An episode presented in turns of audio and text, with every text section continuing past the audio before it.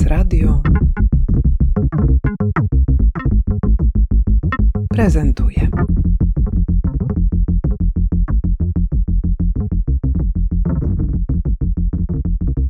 Cześć, jestem Natalia Melek, jestem autorką pięciu książek poetyckich. Ostatnio wydałam Obręcze. Jest to książka, która ukazała się w grudniu 2022 roku, a oprócz tego wydałam Karapax w 2020, Kord y, w 2017, Schaber w 2014 i Pracowite Popołudnia w 2010. To mój debiut. Twoje tomiki w naszej księgarni zajmują szczególne miejsce, bowiem są efektem nie tylko Twojej pracy, ale także współpracy, które nawiązałaś z artystkami aktywnymi na scenie sztuki współczesnej. Jak to się stało, że ta współpraca została nawiązana? Czy bardziej tekst zainspirował obraz, czy bardziej obraz, teksty? Cały ten pomysł na współpracę tekstowo-wizualną, on sięga mojej drugiej książki, czyli Szabru. Ja wtedy tak trochę intuicyjnie i na ślepo poszukiwałam jakiejś takiej wspólnoty myślenia, myślenia obrazem, która mi się wydawała ważna, bo moje teksty były często prowadzone bardziej przez obraz niż przez słowo czy przez dźwięk.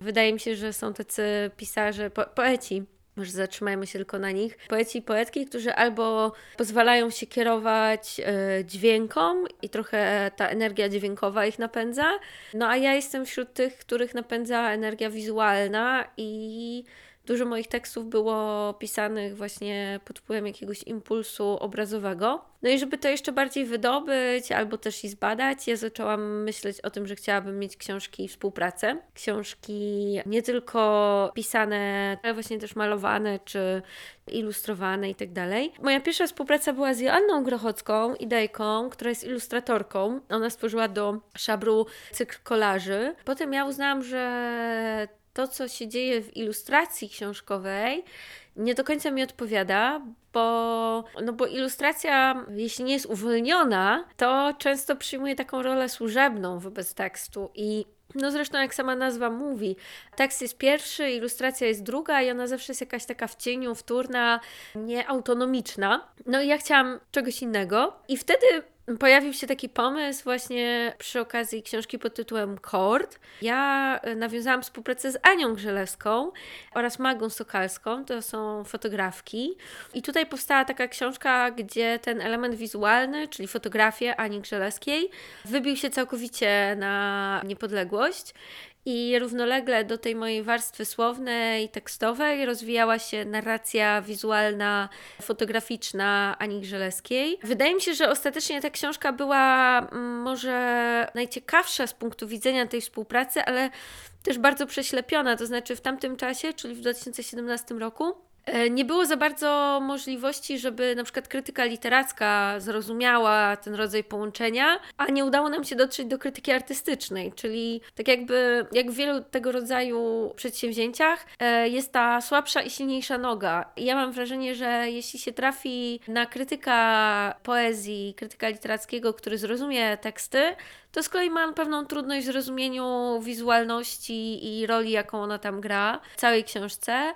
No i w drugą stronę, udaje mi się znaleźć może kogoś, kto doceni też y, takie fizyczne piękno, bo, bo, bo nie bójmy się tego słowa, po prostu piękno, y, nie tyle estetyczność, to właśnie piękno książki, no ale wtedy być może brakuje jakichś narzędzi, żeby mówić o wierszach, więc książka Akord nie trafiła na, na taki podatny może grunt. To się zmieniło przy okazji Karapaksu, czyli tej kolejnej książki, którą ja zrobiłam e, współpracując z Dominiką Kowynią, malarzem, malarką i zamieszczając reprodukcję jednej jej pracy, takiej pracy pod tytułem Kłopoty z pamięcią.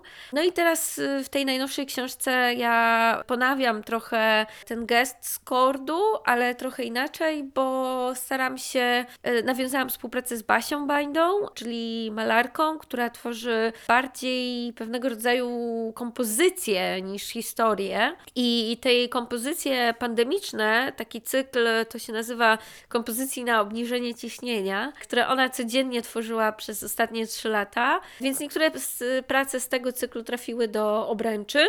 No i mam nadzieję, że już w przypadku obręczy coś tam się przedostanie z tego myślenia podwójnego, bo mi bardzo zależy na myśleniu podwójnym, a nie jednotorowym. No wydaje mi się, że coś właśnie się przedostało. Jacyś już krytycy zwrócili uwagę na to, na to napięcie między tym geometrycznym kształtem koła, a, a nie geometrycznym, właśnie amorficznym kształtem plamy po prostu, albo na przykład właśnie między powtarzalnością tego, co jest geometryczne, a niepowtarzalnością tego, co jest kolorystyczne e, i tak dalej, i tak. No Tutaj cały czas to jest otwarte, bo książka jest bardzo nowa. E, jeszcze na tle tego, jak żyją książki poetyckie, no to można powiedzieć, że ona jest nadal świeżynką, bo książki poetyckie mają taki dłuższy horyzont recepcji jakiegoś tam trwania. No, na dzisiejszym dyżurze z autografem muszę powiedzieć, że było bardzo tłumnie. Przyszło naprawdę bardzo dużo osób. To były ciekawe rozmowy. Ja trochę podsłuchiwałam, co tam się wydarzało, i pomyślałam sobie, że skoro już Cię tutaj gościmy, to zadam Ci takie pytanie, które strasznie mnie nurtuje. O co ludzie pytają poetkę? Jakie Ty dostajesz pytania? Czego ludzie chcą się od ciebie dowiedzieć? Dowiedzieć e, najczęściej wszyscy, może nie tyle ludzie czytelnicy, bo sytuacja, kiedy ja znajduję się sam na sam z czytelnikiem, czytelniczką, jest rzadka i raczej te występy czy spotkania, one, one mają taką strukturę, że, mm, że jesteśmy trochę oddzieleni od e, tak zwanej widowni czy publiczności, nad czym trochę boleję. Natomiast bardzo często ktoś mnie próbuje zapytać albo o ideologię, albo o lekcje. Dużo ludzi pragnęłoby odnieść jakiś e, taki pożytek z książki, rozumiany na taki sposób właśnie dydaktyczny nawet, albo coachingowy wręcz, e, czego można się nauczyć, czego można się dowiedzieć. No i tutaj właśnie wchodzi też to, co ja nazywam chyba największym pięknem literatury, że y, te książki takie naj, najlepsze, literackie, tak jak ja je przynajmniej rozumiem, właśnie odmawiają odpowiedzi na takie pytanie i nie chcą być czytane po to, żeby się czegoś dowiedzieć. No ja rzeczywiście też zawsze staram się jakoś uniknąć, staram się wymknąć e, temu pytaniu, staram się mówić, że być może nie ma jakiejś jednoznacznej odpowiedzi na to, ale E, ale każdy może wynieść coś dla siebie. Ale myślisz, że tutaj e, pokutuje jakaś taka szkolna tresura do interpretacji wiersza? Że trzeba koniecznie zrozumieć i zinterpretować, wyciągnąć z tego jakieś sensy, które są racjonalnie uzasadnione? Być może o to chodzi, ale też jak pomyśleć, w jaki sposób ludzie obecnie czytają, to coraz częściej te wymogi presji, czasu działają tak, że ludzie czytają po to, żeby coś konkretnego wyciągnąć. E, rozmawiałam z taką znaną dziennikarką literacką, która mi powiedziała, przepraszająco, że nie, nie czyta poezji, docenia na odległość, ale nie czyta, bo jak ona czyta książkę, zazwyczaj jest to reportaż albo właśnie jakiś rodzaj non-fiction, no to czyta to po to, żeby się czegoś ostatecznie dowiedzieć, poszerzyć swój horyzont yy, i tak dalej. No a w przypadku książki poetyckiej ona ma poczucie, że to jest niemożliwe, że ta wiedza jakoś właśnie nie jest tak, że się kartkuje i, e, i ta wiedza jakoś na końcu spływa, tylko jest właśnie ten proces taki wydłużony. Ja mam na to odpowiedź taką, że w przypadku tych książek, które czytamy po to, żeby się czegoś istotnie dowiedzieć, to jest oczywiście bardzo dobry cel, no, warto się dowiadywać rzeczy. No więc te książki, one, one są ważniejsze jako coś niematerialnego. Więc to, że to jest książka, nie ma znaczenia. To mógłby być e, plik, e, to mógłby być, to mogłoby być w, w gruncie rzeczy nagranie audio, tak? Bo nie chodzi tam o to o sam fakt czytania, tylko chodzi o tą wiedzę. Wiedza, która też ma postać niematerialną. W przypadku moich książek wydaje mi się, że jest coś innego. To znaczy, ja bym chciała bardzo zwrócić uwagę na to, że te książki mają taką podwójną warstwę. Właśnie mają warstwę niematerialnego sensu, ale mają warstwę też materialnego tekstu. I to, w jaki sposób tekst jest zapisany, złożony, złamany, przekręcony, zaaranżowany, zakomponowany, ma znaczenie i wpływa na nasz odbiór. Właśnie wydaje mi się to bliższe temu, co dzieje się w sztukach wizualnych, niż temu, co się dzieje na przykład w nauce czy w naukach społecznych, tak? Więc ja bym powiedziała, że książki poetyckie dlatego w mojej głowie stoją blisko sztuki wizualnej, że nie da się ich właśnie czytać e, w takim celu, żeby odnieść jak, jakiś pożytek poznawczy, co oczywiście jest nieprawdą, bo zawsze się odnosi jakiś pożytek poznawczy, tylko że nie natychmiastowo, nie szybko, nie, nie jest on może widoczny też na pierwszy rzut oka. Z tego, co mówisz, słychać bardzo dobrze, że dbałość o to, w jaki sposób przekazywana jest Twoja twórczość, jest dla Ciebie bardzo, bardzo ważna. Powiedz proszę, do jakiej granicy się posuwasz z tą dbałością? Czy wybierasz krój pisma? Czy nadzorujesz pracę osób, które nadają materialność tym Twoim tomikom? I czy jesteś znośną partnerką do tej współpracy, czy też tyranizujesz wszystkich swoją wizją? Zaczynam z poziomu rozmowy.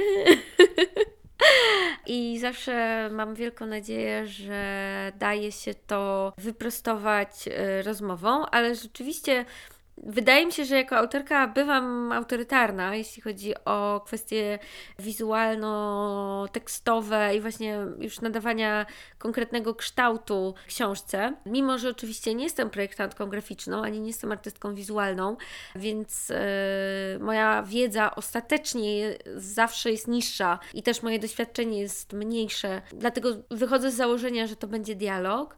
Natomiast rzeczywiście jest tak, że ja dość często wiem, czego bym chciała chciała, albo wiem, czego bym na pewno nie chciała. I staram się nad tym sprawować jakąś pieczę, nad tym, jak ta książka ostatecznie będzie wyglądała.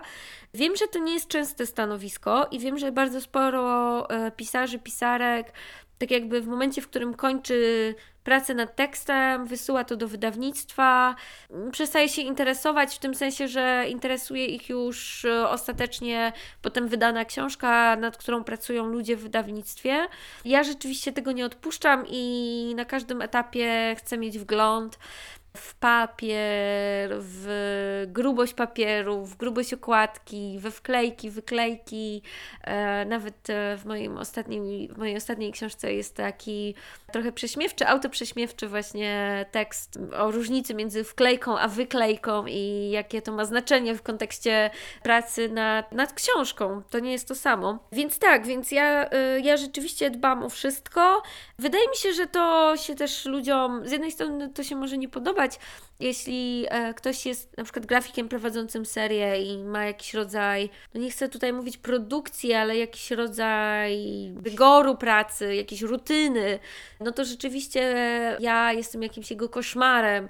Przychodzę i wywracam e, to, co jest e, zaplanowane w przypadku kilkunastu książek z rzędu i domagam się czegoś innego, to rzeczywiście bywa mm, źródłem jakichś nieporozumień, ale w momencie, w którym ta granica niewygody zostanie przekroczona i ta osoba po drugiej stronie zrozumie, że no dobrze, mam serię kilkunastu książek, a teraz będę miał książkę nieco inną, no to potem już pracuje nam się bardzo dobrze i, i z obopólnym zaangażowaniem.